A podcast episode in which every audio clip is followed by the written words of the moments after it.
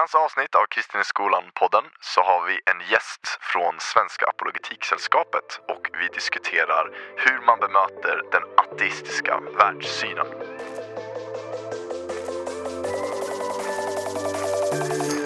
Hej och välkommen till Kristen i skolan-podden! Ja då, ny måndag, nya möjligheter helt Ja, enkelt. verkligen. Den här podden den produceras och skapas av Ny Generation, elev och studentorganisation som arbetar med eh, kristna skolgrupper runt om i hela Sverige. Och i studion idag så är det jag, Andreas. Och ja, Hanna! Woho!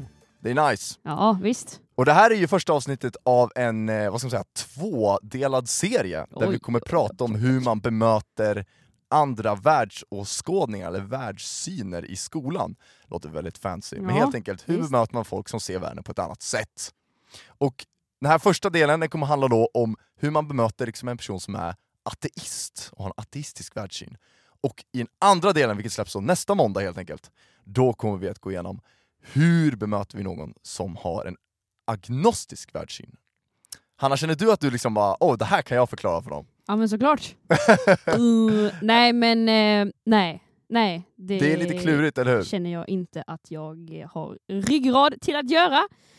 Det är lite svårt sådär. Ja. Ja, det är fancy words och grejer. Så Ja. därför så tänker vi att så här, vi bjuder in en expert, någon som kan, ja. någon som vet hur man gör. Så, ladies and gentlemen, en trumvirvel för våran gäst här i studion. Ingen mindre än Mika Fruxelius!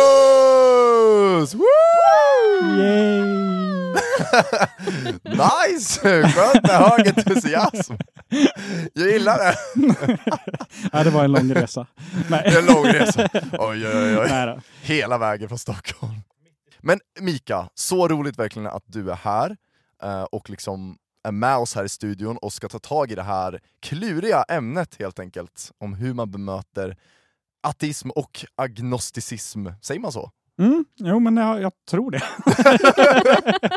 det är ett så här ord som man brukar säga, agnostiker, men inte, agnosticism brukar man inte säga så ofta, men jag tror att det är korrekt. Mm. Eh, Ja men det är ett lite klurigt ord, men vet du, det finns ett annat klurigt ord som liksom på något sätt har med dig att göra. Och det är att du är ju en så kallad liksom apologet, eller hur? ja. Ja, precis. Och vad är, vad är en apologet? Apologet, eh, man kan koppla det till det engelska ordet för apologize, att eh, försvara eller att eh, förlåta. Men Mm. egentligen så har du ty- ännu tydligare i grekiskan som betyder att försvara. Mm. Eh, så att, eh, att vara en apologet betyder att vara en försvarare av någonting. Jag är en kristen apologet, så jag försvarar kristen tro, men du skulle kunna ha en, en muslims, muslimsk apologet också. Mm. Eh, det är bara det att det används oftast för kristna. Just då det är väldigt logiskt med kristen tro, så det är lätt att försvara. det har jag här liksom, han, han är on fire redan. Ja, så Jag hoppar direkt in och levererar här. Det det bara, kristen tro är den mest logiska världssynen. lägger den Oh ja, direkt. ut- utan tvekan. Ja men det känns ändå Det nice. säger jag i all ödmjukhet. I all ödmjukhet så har jag läst varenda bok, så det är inga problem. Nej, men det är, så att apologet betyder att man är en försvarare Mm. av någonting. I det här fallet en kristen apologet. Åh vad härligt, då känns det ändå som att vi hittar rätt person för rätt jobb så att säga. Mm. Eh, Men du är med i en organisation som arbetar med sånt här, eller hur? Ja, jag är med i Svenska Apologetiksällskapet, vilket går över, egentligen över hela Sverige. Det finns andra grupper som kör mera eh, lokala i olika städer och sånt där, men vi går över hela Sverige. Och Mm. Vi har en Facebookgrupp tillsammans där vi diskuterar massvis och ger resurser till varandra och vi har en webbsida där vi eh, kör lite bloggar och sånt där. Mm. Eh, och så samordnar vi lite saker. Till exempel samarbetar vi med Ny Generation med Kristen i skolan, Yes, konferensen. Det är nice. Så det är lite grann vad vi sysslar med i Svenska Politiksällskapet. Mm. Ja det är bra, det är bra. Det är, bra. det är ett bra sammanhang. Tips om du har Facebook, gå in på Svenska Politiksällskapet.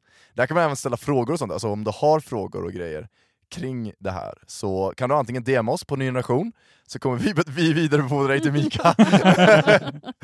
Eller så kan du ju gå in i Facebookgruppen och ställa frågor. Och jag antar att det även finns kontaktuppgifter på hemsidan till olika resurser som man kan kontakta kanske. Mm, det tror jag. det tror jag. Snyggt, snyggt. Det gillar man ändå Jag är höra. inte alltid inne och kollar på kontaktuppgifterna på, eh, på webbsidan eftersom jag är i liksom. Jag har redan kontaktuppgifterna. Det är väldigt rimligt faktiskt. Eller hur?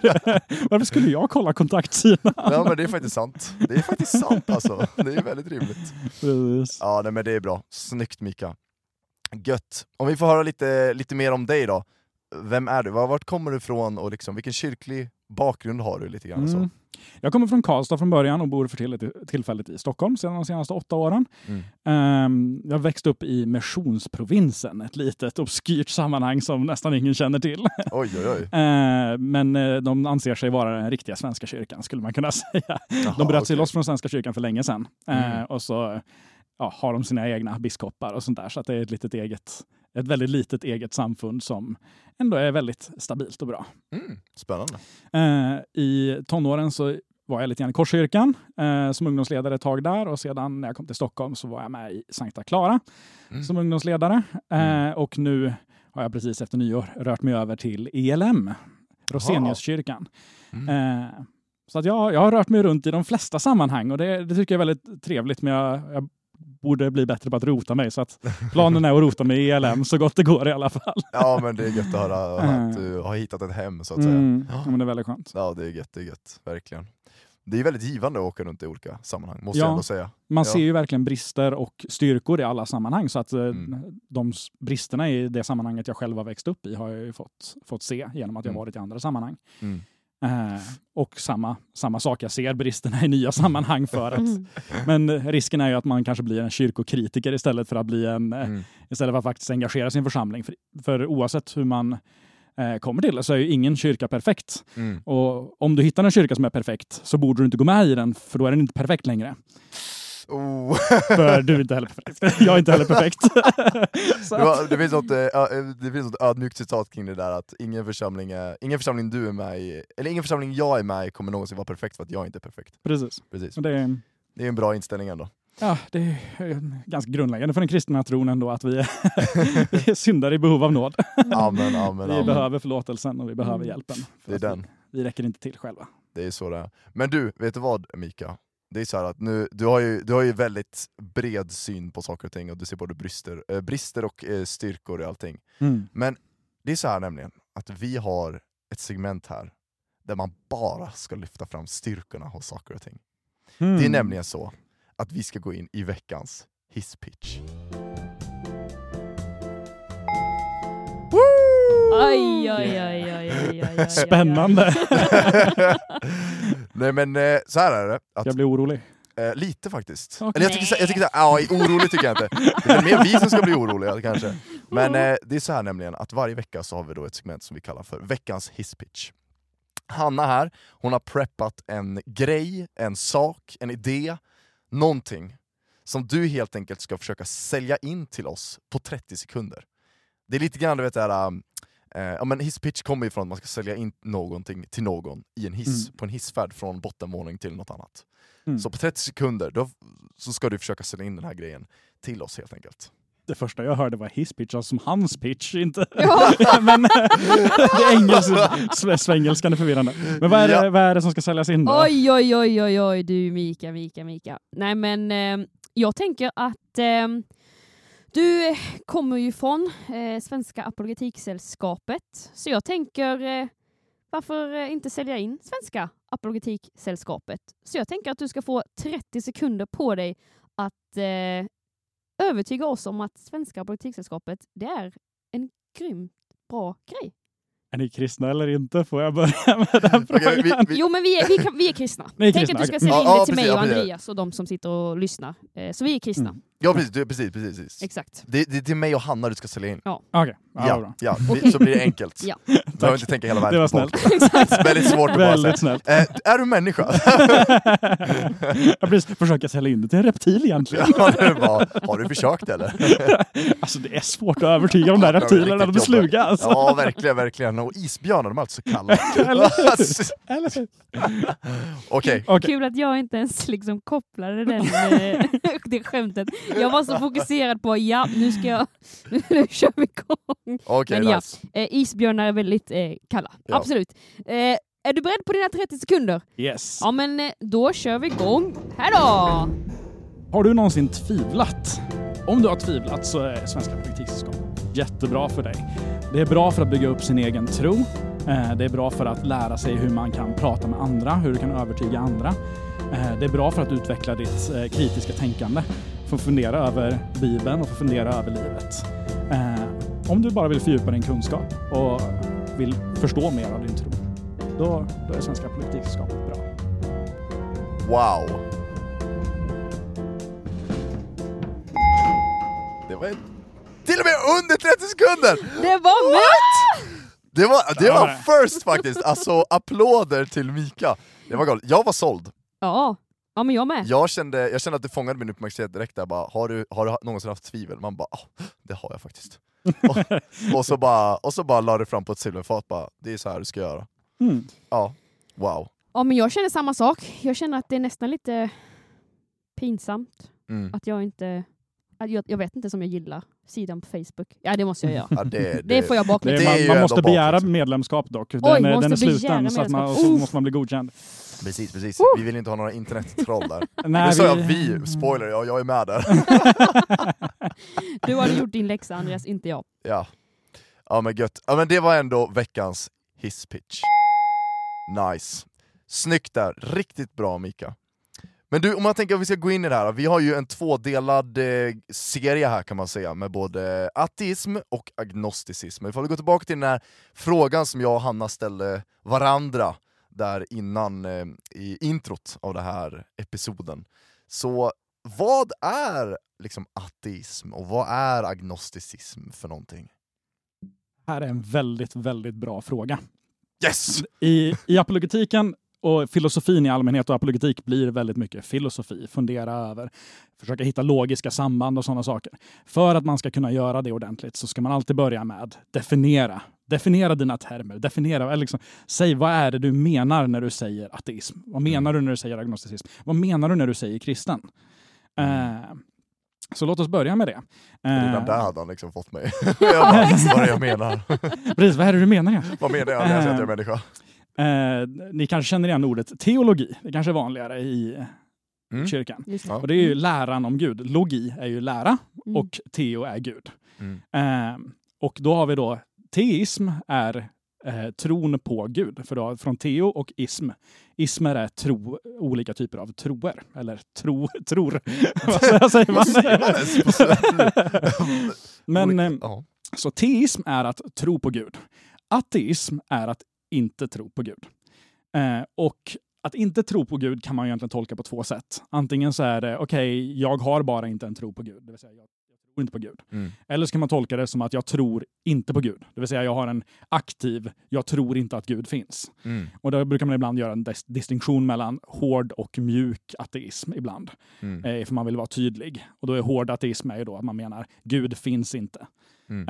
Eh, och mjuk ateism är att man menar att jag tror inte att Gud finns, eller jag, jag, jag tror bara inte på att Gud finns. Alltså det är så här, jag, jag har inte tro för det. Mm. Men det är egentligen ofta vad man egentligen menar med agnosticism. Just det. Eh, gnosticism är att eh, eh, vetskap, liksom, att, att ha kunskap om, om de högre tingen. Eh, så att agnosticism är att man inte tror att man har vetskap om de sakerna. Mm. Eh, så att en agnostiker menar man kan inte veta om Gud finns. Mm. Eh, eller jag kan inte veta. Alltså, antingen så men- menar de, som sagt, hår, hård agnosticism skulle man kunna säga att man menar man kan inte veta om Gud finns. Mm. Och mjuk agnosticism är jag vet inte om Gud finns. Mm. Eh, ja, jag har inte argument för det. Liksom, så att jag, ja, jag, jag ställer mig neutral, typ. Mm. Fast eh, neutral är ju en myt. man, kan inte, man kan inte vara neutral i någon fråga. För att, ehm, även om du kanske tänker att du är neutral, Ja. Så i praktiken så kommer det vara, lever du ditt liv som att Gud finns eller lever du ditt liv som att han inte finns? Just det. Eh, så att även om du kanske i teorin är agnostiker Mm. så kommer din praktik visa om du är ateist eller Oj, oj, han lägger det, han lägger det redan Mm, där alltså, ja, men- men ja, vi kan prata mer om agnosticism Ja. nästa gång.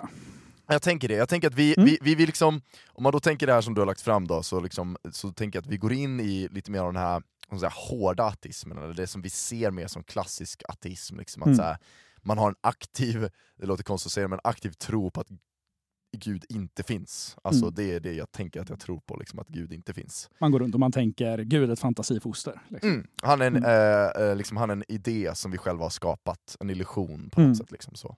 Ehm, och eh, inom ateism så brukar man ju ganska snabbt komma in på ordet naturalism.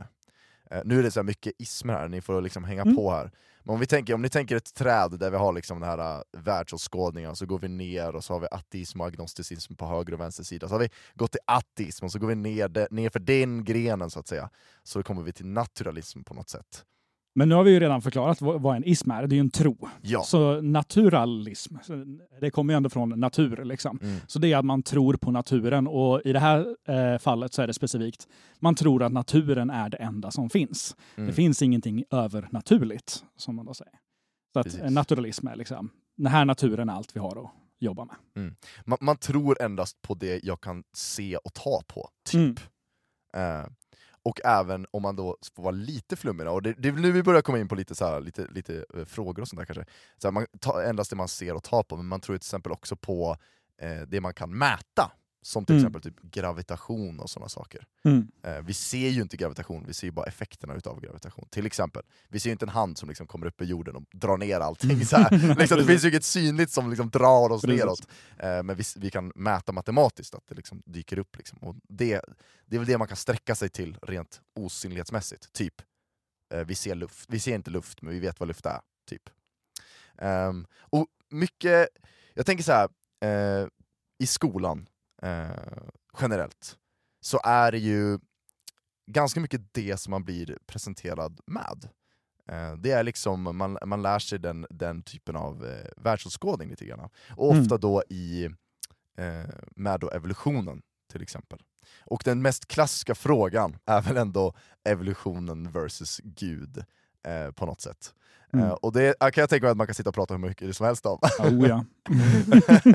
Eh, och det är liksom en evig debatt känns det som, när det alltid kommer nya vetenskapliga rön till höger och vänster och liksom sådär. Men om man då försöker liksom tänka sig in så här att liksom när, när, man, när man sitter där i skolan och vi, man får den här världsbilden presenterad till sig så är det ju inte ovanligt att man, att man får frågor om man är öppet kristen. Om jag berättar för mina vänner att jag är kristen och Eh, vi börjar lära oss om evolutionen, jag vet själv att jag var i en sån eh, situation många gånger, eh, då kommer frågor liksom från eh, lektionen eh, och läraren och den kunskap man får därifrån riktad mot en själv. Eh, så här, tror du på det här? Eller hur förklarar du det här? Eller olika saker. Och hur tänker du, alltså, hur, kan, hur kan man bemöta det när man liksom sitter där med sina klasskompisar och får de här frågorna? Mm. För egen del så kan jag säga att man kan börja med att tänka på att naturalism ofta är ett cirkelargument. Eller det kan vara svårt att resonera med folk och få dem att förstå. Mm. För att ofta så är det så att man, man kommer till evolutionen för att man menar att naturen är det enda som finns. Och då tolkar vi allting, då måste vi tolka allting som att det är naturliga processer. Mm. Allt, oavsett vad som finns, måste tolkas på det sättet. Och Mm. då leder det fram till evolution. Att, och jag håller ju med om det, att om, om Gud inte finns, då är ju absolut evolution och eh, alltså guidad av slump liksom, och liksom den typen Mm. av... Då är ju det det absolut troligaste, att det skulle ha hänt. Mm. Men så fort man ställer frågan, men finns Gud? Om Gud finns, Mm. är det då den troligaste frågan? Och det diskuterar också kristna. Kristna har olika ståndpunkter där. Det finns teistiska evolutionister som Mm. tolkar Bibeln som att evolution, ja, de går ihop egentligen. Mm. Eh, och sen så finns det då ungjordskreationister till exempel som menar att jorden är ungefär 6000 år gammal eller till 10 000 år gammal Mm. eh, baserat på lite åldrar och sånt där från, Mm. eh, från Bibeln. Och eh, båda de måste man liksom eh, diskutera med och fundera. Men oavsett så är det bara själva premissen om Gud finns så förändrar ju det hela, hela diskussionen. Mm. Så att ibland så måste man först börja med att bevisa dem om att Gud finns förmodligen. Mm. Eh, För att annars så är det så att en fullständigt otrolig förklaring som evolution, för alla håller med om att sannolikheten för att det ska kunna inträffa är liksom hur låg som helst. Liksom. Det är ett Ja. mirakel att det har inträffat, eh, ifall Ja. det har inträffat. Det. Eh, så, eh, så att grejen är att alla håller med om det. Mm. Eh, så att då är frågan, en otrolig förklaring är ju fortfarande troligare än ingen förklaring alls i Mm. princip. Ja, just det. Så att antingen så kan du ha en förklaring med Gud eller så kan du ha en förklaring som är väldigt otrolig som är evolution. Och jag skulle säga att evolution, framförallt utan Gud, Mm. är ju mycket mer otrolig än att Gud finns. Mm. Men då måste du bedöma det. Du måste faktiskt sätta dig ner och liksom ställa dig, hur troligt är det att Gud finns? Mm. Hur troligt är det att evolution har inträffat? Just det. troligt är att det är så här och så här och så här. Och även som kristen då att väga evolution mot eh, evolution mot eh, 10 000 år eller såna här saker. Mm. Då får man hur troligt är det att Bibeln syftar på ungjord? Hur troligt är det att den inte gör det? Och sedan måste du kolla på vetenskapen också. Mm. Och då är det hur mycket frågor som helst. Mm. Alltså då är det väldigt mycket detaljfrågor. Jag studerar ju vetenskap väldigt mycket och har studerat mycket artiklar och sådana saker Mm. kring det. Mm. Eh, och då brukar jag tala om tolkningsmodeller Mm. förklarar Bibeln det här bäst? Eller förklarar ateistisk vetenskap det här bäst? Mm. Du ser ett bevis, du ser olika lager i geologin. Okej, förklarar evolutionsteorin att de här lagren motsvarar miljontals år? Mm. Förklarar det bäst? Eller förklarar Bibeln det bäst med till exempel Noas flod? Mm. Vi vet att under översvämningar så bildas flera lager på en och samma gång. Och vi vet att lager normalt sett bildas på det sättet.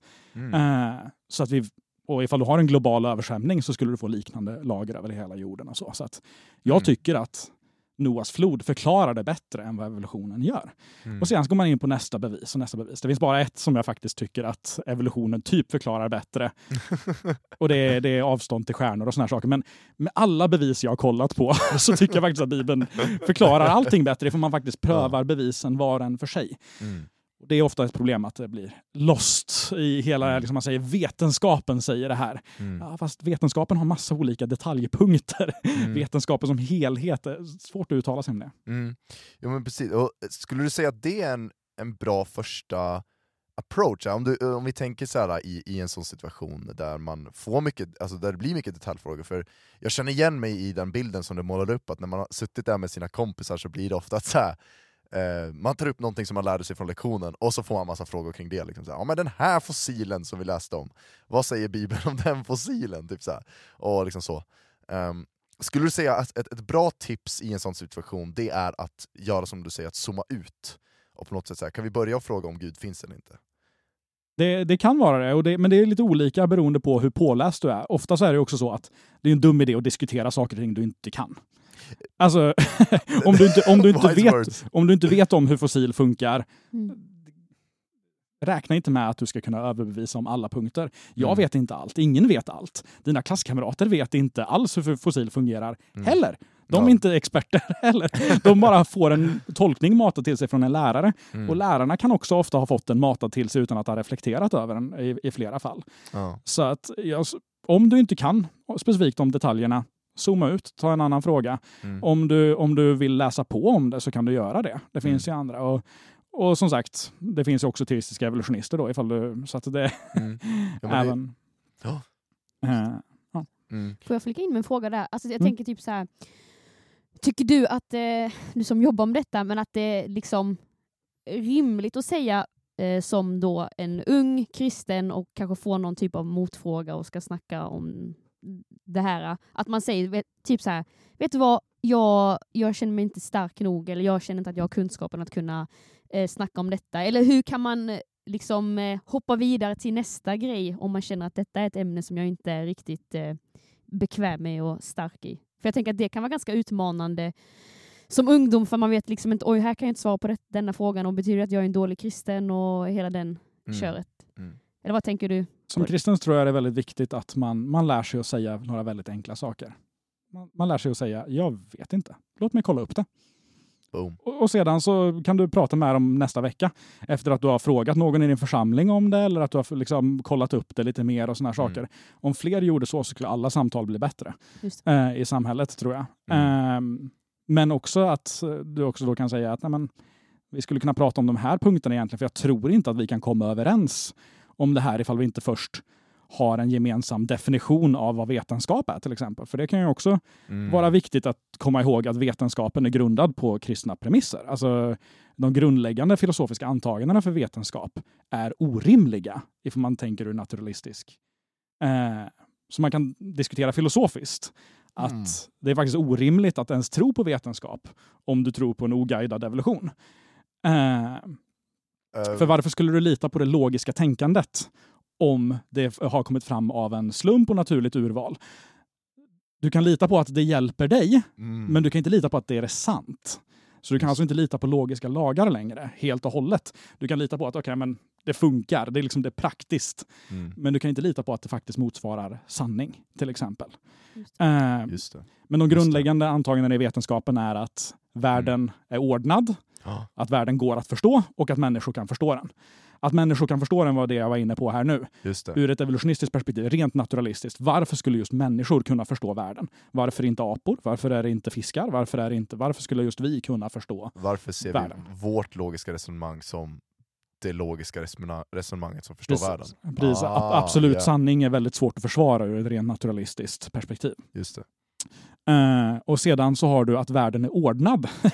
är också så här, varför skulle den vara ordnad? Vi vet att eh, naturlagar ändå är ganska kaotiska, eller naturen är ganska kaotisk och saker och ting förfaller. Du Mm. har eh, termodynamikens lag, andra termodynamikens lag som säger Mm. att liksom allting, alltså entropin i alla system ökar, alla slutna system ökar. Och Mm. det är oordningen. Mm. Oord, Det blir bara mer och mer oordnat. Och det ser Mm. vi också från naturen, att ifall vi lämnar ett hus som är byggt Mm. åt naturen så kommer det förfalla. Mm. Just det. Så att, eh, att världen är ordnad är orimligt också att tro. Mm. Eh, eh, och även då att världen är förståelig. Varför skulle den vara förståelig? Varför skulle vi kunna räkna på Mm. gravitation? Varför, varför är det så? Just det. Ur ett kristet perspektiv är det rimligt för att Gud har skapat människan till sin avbild. Mm. Han har tänkt ut världen och på grund av att vi skapade hans avbild så kan vi förstå världen. Mm, just det. Just det. Det där var väldigt bra utlagt alltså, verkligen. Mm. verkligen. Ja, men det, det, det är för, you don't learn that in school boy. det, är så här, det, det är verkligen så. Det är verkligen så. Eh, och eh, det, är, det är viktigt att höra. Eh, Mm. Jag kommer ihåg hur viktigt det var för mig när jag gick i skolan att höra sånt här och liksom bara bredda perspektivet. Eh, för man får ju, det är väldigt lätt att man får liksom en bild så att säga. Eh, och man får väldigt mycket tvivel och upplever att man får väldigt få svar. Men när man väl börjar gräva i det så, så upptäcker man ju att det finns väldigt mycket svar Mm. eh, och väldigt mycket perspektiv att ta in på saker och ting. Mm. Eh, men jag vill bara bolla tillbaka till en grej som du snackade om innan, och det var det när du pratade om så här, du pratade om att Bibeln, eller Gud gav en mer logisk förklaring till Mm. till exempel eh, Noas flod till exempel. Så. Mm. Om, jag, om jag får vara lite, lite, lite jobbig då, är det okej Mikael? Absolut. Okej, och så ska jag försöka, jag ska försöka vara lite apologet här då, och liksom Mm. dyka lite djupare. Men vad, vad, vad är det som säger att Bibeln är trovärdig då? Om, Mm. hur, hur kan vi lita på Bibeln? Är inte det bara en gammal bok? liksom? Ja, och det... Vi kan ju gå in på mycket där. Alltså det, vi, det, vi kan tala i timmar om det här egentligen. Rimligt. Men eh, låt oss säga så här, det här kan gå åt båda hållen. Mm. Ifall vi nu ser alla de här lagren på det sättet som vi ser dem. Mm. Och så märker vi att ja, men, Bibeln har en vettigare förklaring än vad Mm. resten av världen har. Alla andra förklaringar är sämre. Då är ju det ett vittnesmål om att Bibeln faktiskt är vettig. Men då, Mm. då måste du ju kolla på de bevisföringen för varför är det vettigare. Mm. Fossil, jo, men fossil bildas snabbt och under tryck. De bildas inte under, under lång tid till exempel. Mm. Eh, så att därför så är det, blir det liksom rimligare att fossilerna bildas under snabba förlopp, som till exempel en översvämning. Och vi vet att fossil bildas under översvämningar. Mm. Så att, ja, men, men poängen är att antingen så kan Wow. du bara börja i den vetenskapliga änden, rent vetenskapliga änden. Och när du har kommit fram till att okej, men här har vi en lösning, Bibeln har en lösning som är bättre än den vi redan har, Mm. då stärker ju det Bibelns trovärdighet. Mm. Eller så kan du börja i Bibeln och utifrån den då gå till vetenskapen. Men man får vakta sig så att man inte gör både och, så att det blir cirkelresonemang. Just det. Ja, utifrån Bibeln så säger jag att vetenskapen säger det och utifrån vetenskapen säger jag att Bibeln är sann. Så att du får välja, eh, pick a lane. Just börja det. i Bibeln eller börja i vetenskapen. Eh, du kan inte liksom gå runt i en Mm. cirkel där, för då faller argumentet. eller då blir det ett dåligt argument. Just det. Just det. Det blir, det, man bevisar sig själv genom att säga jag är bevisad, typ. Ja, men jag skulle kunna gå in också mer på Bibelns trovärdighet. Den har faktiskt Mm. egna argument. Let's Bibeln själv argumenterar för sin trovärdighet. Oh. Eh, och det gör den eh, på två olika sätt. Det ena är att den argumenterar utifrån att den är vittnesbörd. Mm. Till exempel eh, så talar eh, Bibeln om att det fanns 500 vittnen som såg Jesus uppstå från de döda. Och de flesta lever än idag. Gå och fråga dem om ni inte, om ni inte litar på oss. Alltså de, och så har de fyra evangelier som, som vittnar om det, så de har mycket olika vittnesbörd. Mm. Och det är väldigt osannolikt att de skulle ha lju- ljugit. Man kan räkna på det och man kan eh, studera eh, även eh, alltså brottsvittnesmålsgrejer. Eh, Mm. Så kan man kolla, liksom, stämmer de här vittnesmålen överens eh, på ett bra sätt? Eh, har de olika perspektiv i sig? Hade alla fyra varit exakt lika så hade det ju vittnat om att det bara är samma person som har skrivit dem. Men Mm. att de är så olika vittnar om att det är fyra personer med radi- ganska radikalt olika perspektiv, Mm. men som ändå kommer till samma slutsats. Just det. Ehm, och det, det stärker ju trovärdigheten i att det de talar om historiskt sett är sant. Mm. Det mesta i historien, eh, historia är ju, vi baserar ju det mesta av vår historiekunskap på historiska dokument och Mm. vittnesbörd. Det är så vi gör. Just det. Eh, och det andra argumentet som Bibeln gör är profetior. Mm. Den säger, vi har redan sagt att det här kommer att hända. Nu Mm. såg ni att det hände. Därför så var det vi sa där innan. Vi kan bekräfta, vi kan gå tillbaka. Det vi sa då var sant. Just Därför det. kan ni lita på allt annat vi säger också. Mm. Eh, och det är också något som är väldigt unikt för Bibeln, just profetior om framtiden som flera hundra år eller tusen år senare slår in. Just det. Eh, vilket är de argumenten som Bibeln främst använder själv. Mm. Just det. Sen så finns det massa annat också, filosofiska bevis och allt det Mm. som sysslar med. Så att, Mm. Ja, för det, för det, det, det var en liten, jag kommer ihåg att det var en ögonöppnare för mig, att så här, ehm, jag kommer ihåg, ehm, vi, vi, jag kollade så här, jag ställde den här frågan till mig själv när jag var mindre i alla fall, och då så eh, fanns det liksom jättemycket källor utanför Bibeln Mm. som bekräftade Bibeln också. Alltså, så ja, här, det också. historiker och liksom som bekräftade Bibelns händelser. Ja, men bara det faktum att så här, eh, Jesus som person eh, är ju är liksom o, typ otvetydigt att han faktiskt gick på jorden. Att han gick på jorden, att han gjorde mirakler och att han dog på korset. Det är i princip alla his historiker håller faktiskt med om att han gjorde saker och ting som, alltså antingen att han var en trollkarl Mm. eller alltså någon så här, att han Ja. liksom gjorde någonting sånt eller eh, alltså fejkade eller någonting. Men han gjorde saker och ting som var uppseendeväckande Mm. eh, och att han dog. Det håller de flesta historikerna med om. Mm. Eh, Och även då ateistiska, ateistiska historiker, Ja, jättemånga precis. som håller med om det. Eh, men de håller då inte med om uppståndelsen för då hade de inte varit ateister längre. Nej, precis. Då hade de erkänt något övernaturligt. Och, och det är ju alltid det som är så kul när ateister säger då, ja men det finns ju inga ateister som tror på att Jesus har uppstått. Jag bara säger, nej men för att om de trodde på att Jesus hade uppstått så hade de inte varit ateister längre. Det är, det är, inget, det är, här, det är inget bra argument liksom. Det, finns inga ateistiska ateister, det funkar inte. ja, precis, det finns inga ateister som håller med om att Gud finns.